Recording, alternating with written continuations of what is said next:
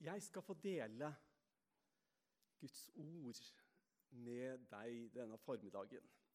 Skal vi ha brødsbrytelse senere? Ehm, men nå skal jeg få lov til å dele. Far i himmelen, takker deg, Herre, for din godhet imot oss. Takk, Herre, for at vi får legge denne stunda nå i dine armer fortsatt. Takk, Herre, for at eh, du er hos oss. Du har holdt løftet ditt til oss, og du er midt iblant oss, sånn som du har sagt. Amen.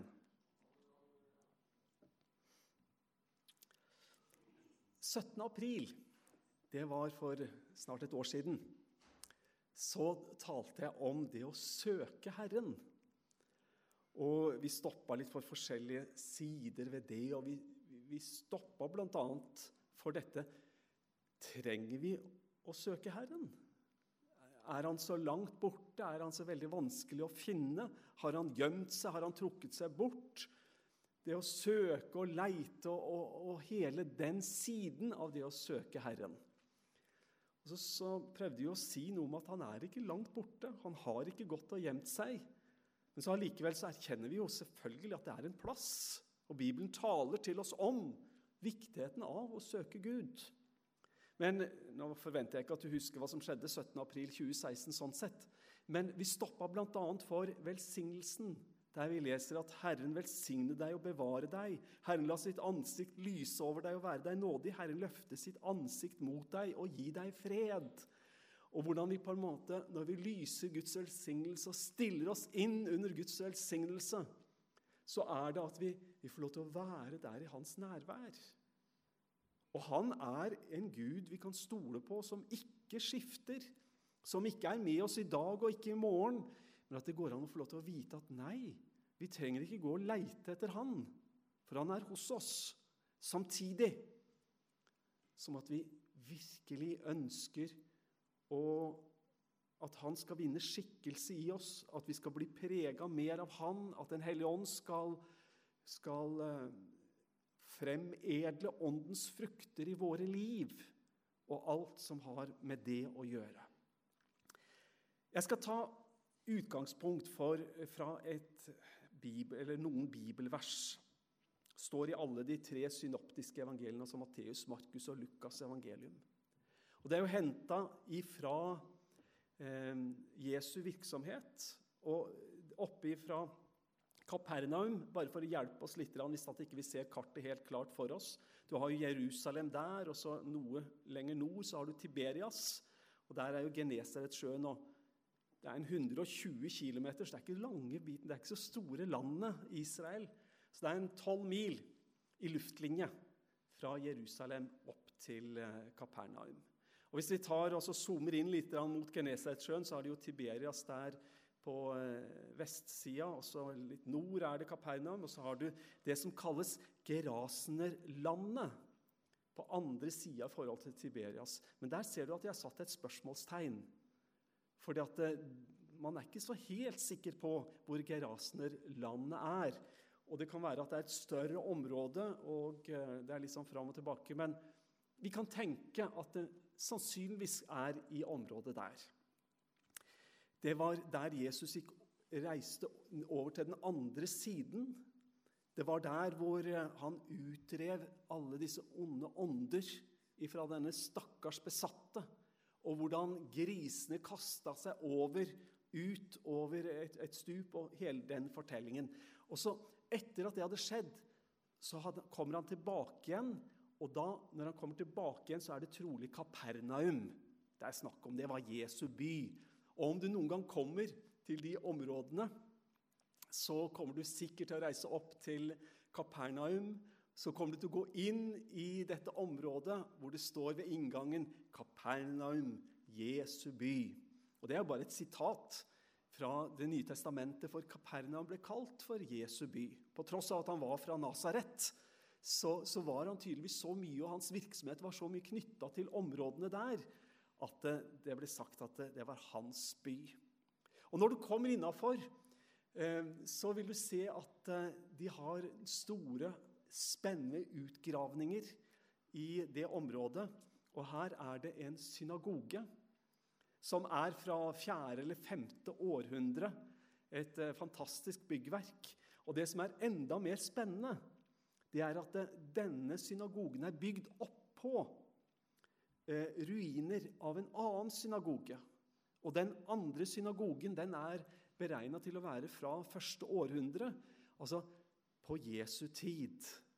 Og så Når vi går og tusler der og ser utover Genesaretsjøen og, og, og alt dette, og ikke minst når vi er der i synagogen og kanskje tar opp Bibelen og leser noen bibeltekster, eller i alle fall vi har det i, i, i, i hodet vårt Tenk at her var det Jesus så mange ganger gikk til synagogen, og han delte, og han lytta, og alt det som vi kan eh, tenke at han deltok i, og som var vanlig i synagogen. Rett nedenfor så har jeg tatt dette bildet fra stranda der hvor du ser Genesaretsjøen. Og Så står det i Markus evangelium kapittel 5. La meg sitere for deg.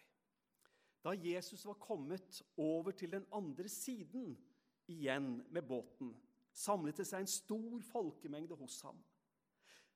Mens han var nede ved sjøen, kom en av synagogeforstanderne, han het Jairus. Da han fikk se Jesus, kastet han seg ned for føttene hans og bønnfalt ham. Min lille datter holder på å dø. Kom og legg hendene på henne, så hun kan bli frisk og få leve. Jesus gikk med ham, fulgt av en stor folkemengde som trengte seg inn på ham. Det var en kvinne der som hadde hatt blødninger i tolv år. Hun hadde lidd så mye hos mange leger. Alt hun eide, hadde hun brukt uten å bli hjulpet. Det var heller blitt verre med henne. Hun hadde hørt om Jesus og kom nå bakfra i folkemengden og rørte ved kappen hans. For hun tenkte om jeg så bare får røre ved klærne hans, blir jeg frisk. Med en gang stanset blødningen, og hun kjente på kroppen at hun var blitt helbredet for plagen. I det samme merket Jesus at en kraft gikk ut fra ham, og han snudde seg i folkemengden og sa, 'Hvem rørte ved klærne mine?' Disiplene sa, 'Du ser hvordan folk trenger seg innpå deg.' Og så spør du om hvem som rørte ved deg. Men Jesus så seg omkring for å få øye på den som hadde gjort det. Kvinnen skalv av redsel. For hun visste hva som var skjedd med henne, og hun kom og kastet seg ned for ham og fortalte ham alt som det var. Da sa han til henne, 'Din tro har frelst deg, datter. Gå bort i fred. Du skal være frisk og kvitt plagen din.' Mens han ennå talte, kom det folk fra synagogeforstanderens hus og sa, 'Din datter er død. Hvorfor bryr du mesteren lenger?' Jesus hørte det som ble sagt, og sa til synagogeforstanderen, 'Frykt ikke, bare tro.' Så lot han ingen andre følge med enn Peter, Jakob og Johannes, Jakob bror. Da de kom til synagogeforstanderens hus, og han så alt oppstyret og folk som gråt og jamret seg, gikk han inn og sa til dem, 'Hvorfor støyer og gråter dere?' Barnet er ikke dødt. Hun sover. De bare lo av ham. Men han drev alle ut og tok med seg barnets far og mor og dem som var med ham, og gikk inn der barnet lå. Så tok han barnet i hånden og sa, 'Talita kumi'. Det betyr 'lille jente'. Jeg sier deg, stå opp! Straks reiste jenta seg og gikk omkring. Hun var tolv år gammel og de ble helt ute av seg av undring. Er det ikke bra? Fantastisk. Du, vi leser om to fortellinger i denne delen av Markus' evangelium, kapittel 5. Vi leser om denne kvinnen som har vært syk i tolv år. Og så leser vi om Jairus' datter. Og dere, I dag har jeg et kolossalt viktig og stort budskap. Det er ikke så veldig komplisert. Jeg kan si det i løpet av en kort, liten setning. Og det er det lønner seg å søke Jesus. Stort, stort mer komplisert er det ikke, men det lønner seg. Det lønner seg å søke Jesus. Og, ja, og nå bruker jeg jo dette ordet 'søke'. Dette som av og til kan kanskje være litt vanskelig. Dette som vi av og til tenker på liksom, er, det, er det så nødvendig å søke? For han, han er jo hos oss. Men det det betyr Det lønner seg å komme til Jesus med dine byrder og vanskeligheter og problemer og tvil og uro og alt hva det måtte være.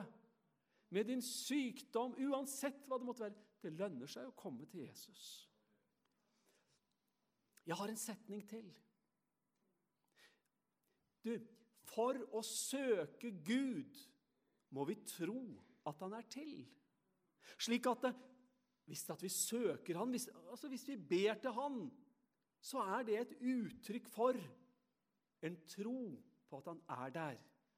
Og Nå skal jeg jo erkjenne at jeg har hørt mange som har sagt noe sånt som at 'Kjære Gud, nå kommer jeg til deg og ber om du er der oppe og kan høre'. Og så kan vi jo diskutere hvor stor grad av tro man har. Men jeg tenker, har man tro nok til å komme og be, så er det vel det som er det store spørsmålet. Om man vil komme til Han. Og det virker for meg som at man får lov til og med å komme med sin tvil. Hvis man bare vil komme, hvis man bare vil søke. Og, og du vet, det står Altså, Jeg sier for å søke Gud må vi tro at Han er til. Og du hører kanskje at egentlig så er det ikke mine ord. Det er jo sitat. Litt omskrevet, men det er egentlig et sitat fra hebreerne, hvor det står Uten tro er det umulig å være til glede for Gud. For den som trer fram for Gud, må tro at han er til, og at han lønner dem som søker ham. Ja, du vet hva, Jeg tror jeg har mine ord i behold. Det lønner seg å søke Gud, for han lønner dem som søker ham. Det er det lureste du og jeg kan gjøre. Det er å komme til Han. Tro. Vi, vi, vi møter disse tre ordene i denne, dette lille verset. Vi møter ordet tro. Altså, vi må tro at Han er til. Og så møter vi dette at, at han lønner. Og her er det ikke snakk om lønn som fortjeneste, men, men, men det er at, det, at, at han, han, det blir et resultat av det å søke Han. Vi møter ordet 'lønner', og så dette ordet 'søker'. Tro, lønner, søker. Og så er det på en måte bundet sammen. At når vi tror nok til å komme til Han, hvis vi bruker ordet 'komme' istedenfor 'søke', hvis det er enklere for oss å forstå, hvis vi har tro nok til å komme til Han, så lønner det seg. For Han er der. Men troa, det betyr faktisk noe. For hvis vi ikke tror, så går vi jo ikke til Han. Det er jo det hebreerbrevet sier. Det var det vi leste. At, at troen det er en betingelse for at vi henvender oss til Gud. For det at vi ber, det er et uttrykk for at jo, vi tror at du hører. I hvert fall så tror vi at du kanskje hører. Vi tror nok til at vi i alle fall ber. Og da er visst det nok til at Gud hører det vi har å si. Du, det som Jairus, synagogeforstanderen Han var kanskje Skjønt vi vet ikke det, men det er naturlig å tro. Han var kanskje forstander i den synagogen som ligger under den synagogen vi så bilde av. Det betyr ikke at han, var, at han var nødvendigvis skriftlær. Det var nok en mer praktisk eh, oppgave. Han hadde ansvaret for å holde dette i stand, og han hadde mange praktiske oppgaver osv. knytta til driften av synagogen. Og han kommer, og nå kommer han med sin nød. Min lille datter holder på å dø. Og vet du hva? Da er det ikke så mange andre ting som er viktig lenger. Da, da, får man en justering av hva som betyr noe. Av og til så kan en bagatell bety så mye for meg. Ikke sant? Noe som egentlig er ikke viktig, men plutselig så betyr det noe for meg. Vet du hva? Av og til kan det, en, en bulk i en bil bety mye.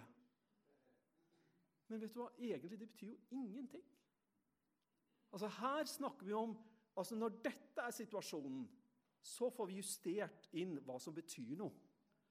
Min lille datter holder på å dø. Kom og legg hendene på henne, så hun kan bli frisk og få leve. Her er det et behov som er så ufattelig stort, og bønnen er så tydelig og klar. Kom og hjelp meg, du gode Jesus. Du, du, du som har helbreda andre, for det hadde Jairus helt sikkert fått med seg. Og Det har nok vært en del diskusjoner i den synagogen, og det har vel kommet noen over fra Nasaret et par mil unna og fortalt litt om hvordan tinga har vært. Men nå betyr de tingene ingenting for Jairus. Nå er det én ting som betyr noe, det er å komme til han. Som, hvis han bare kommer og legger hendene sine på dattera mi, så blir hun frisk, tenker Jairus. Og han har tro nok til å komme. Jeg nevnte Nasaret et lite stykke unna. En nydelig by. Jeg har hørt at det er noen som synes at Nasaret ikke er en fin by. Jeg syns det er en nydelig orientalsk og, og, med, med, sterke arabiske innslag. Det er jo nokså eh, arabisk dominans i Nasaret. Det er en fantastisk koselig by å besøke. Og eh, der så, eh, så, så står det om hva som hadde hendt, og, og hvordan Jesus ikke fikk gjort så mye gjerninger der. Det står der at han kunne ikke gjøre noen mektige gjerninger der. Han bare la hendene på noen få syke og helbredet dem.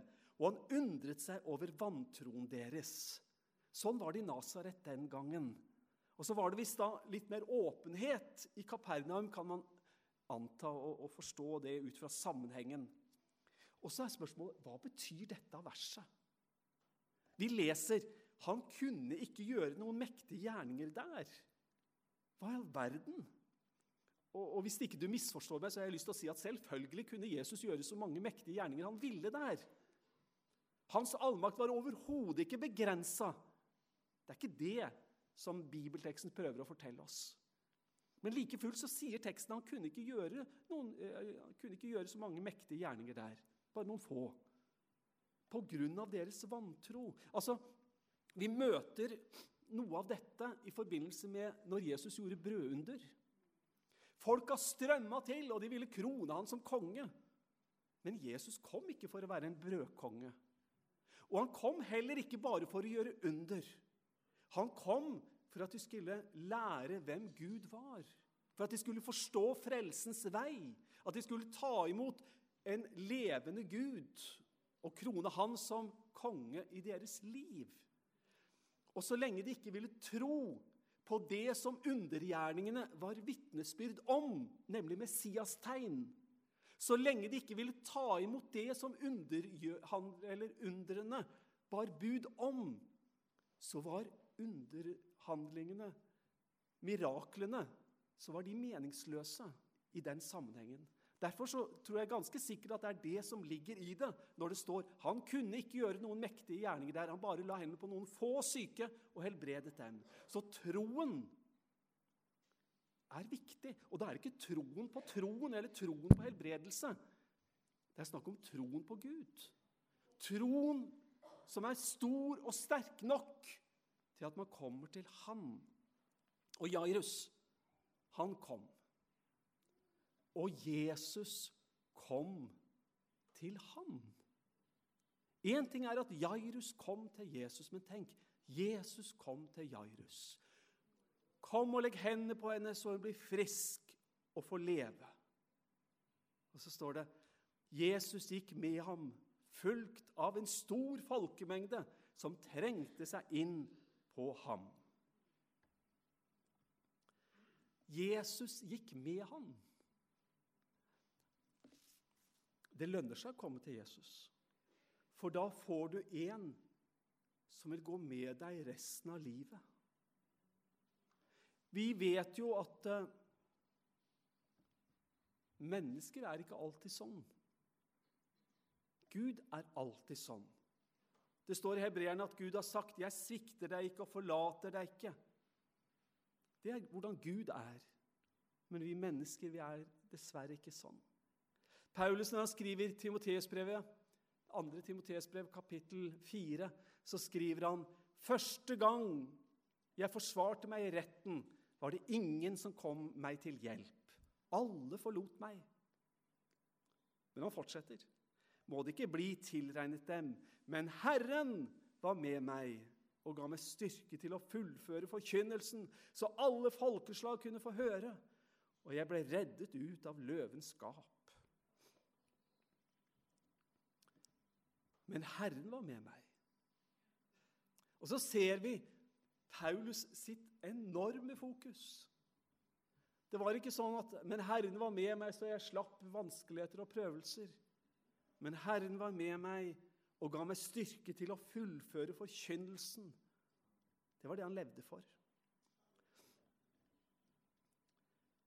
Jairus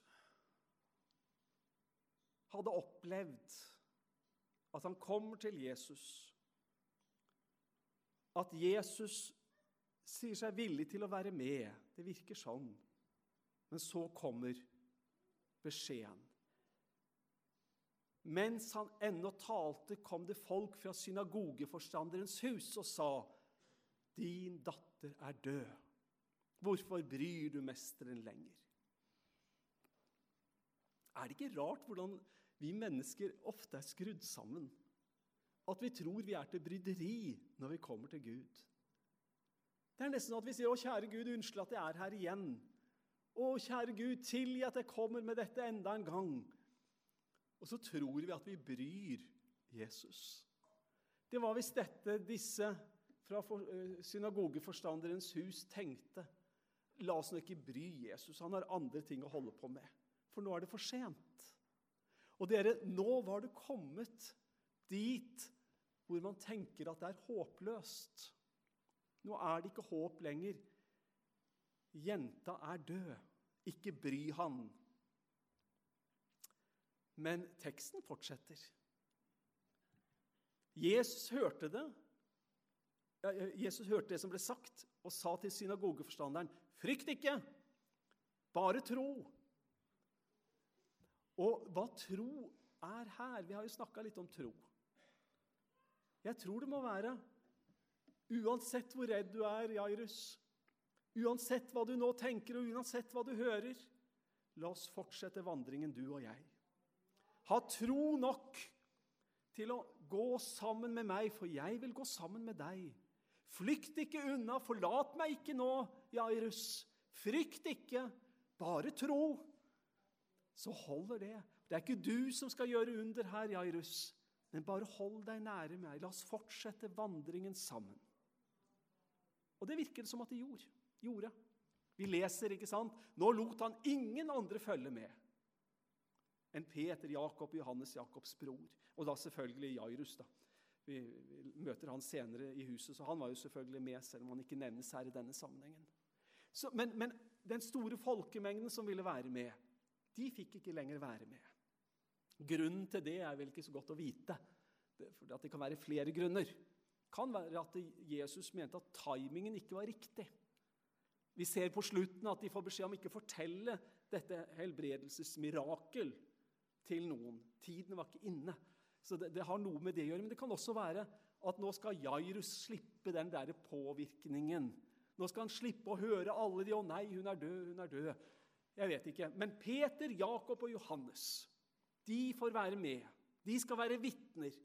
Og så det, er Jairus der, og så er det én som går der sammen med dem. Jesus han sa 'Talita kumi'. Og det betyr 'lille jente'. Stå opp. Og så leste vi at straks reiste jenta seg og gikk omkring. Hun, tok, hun var tolv år gammel. Hvilken demonstrasjon av makt kraft, autoritet, kjærlighet.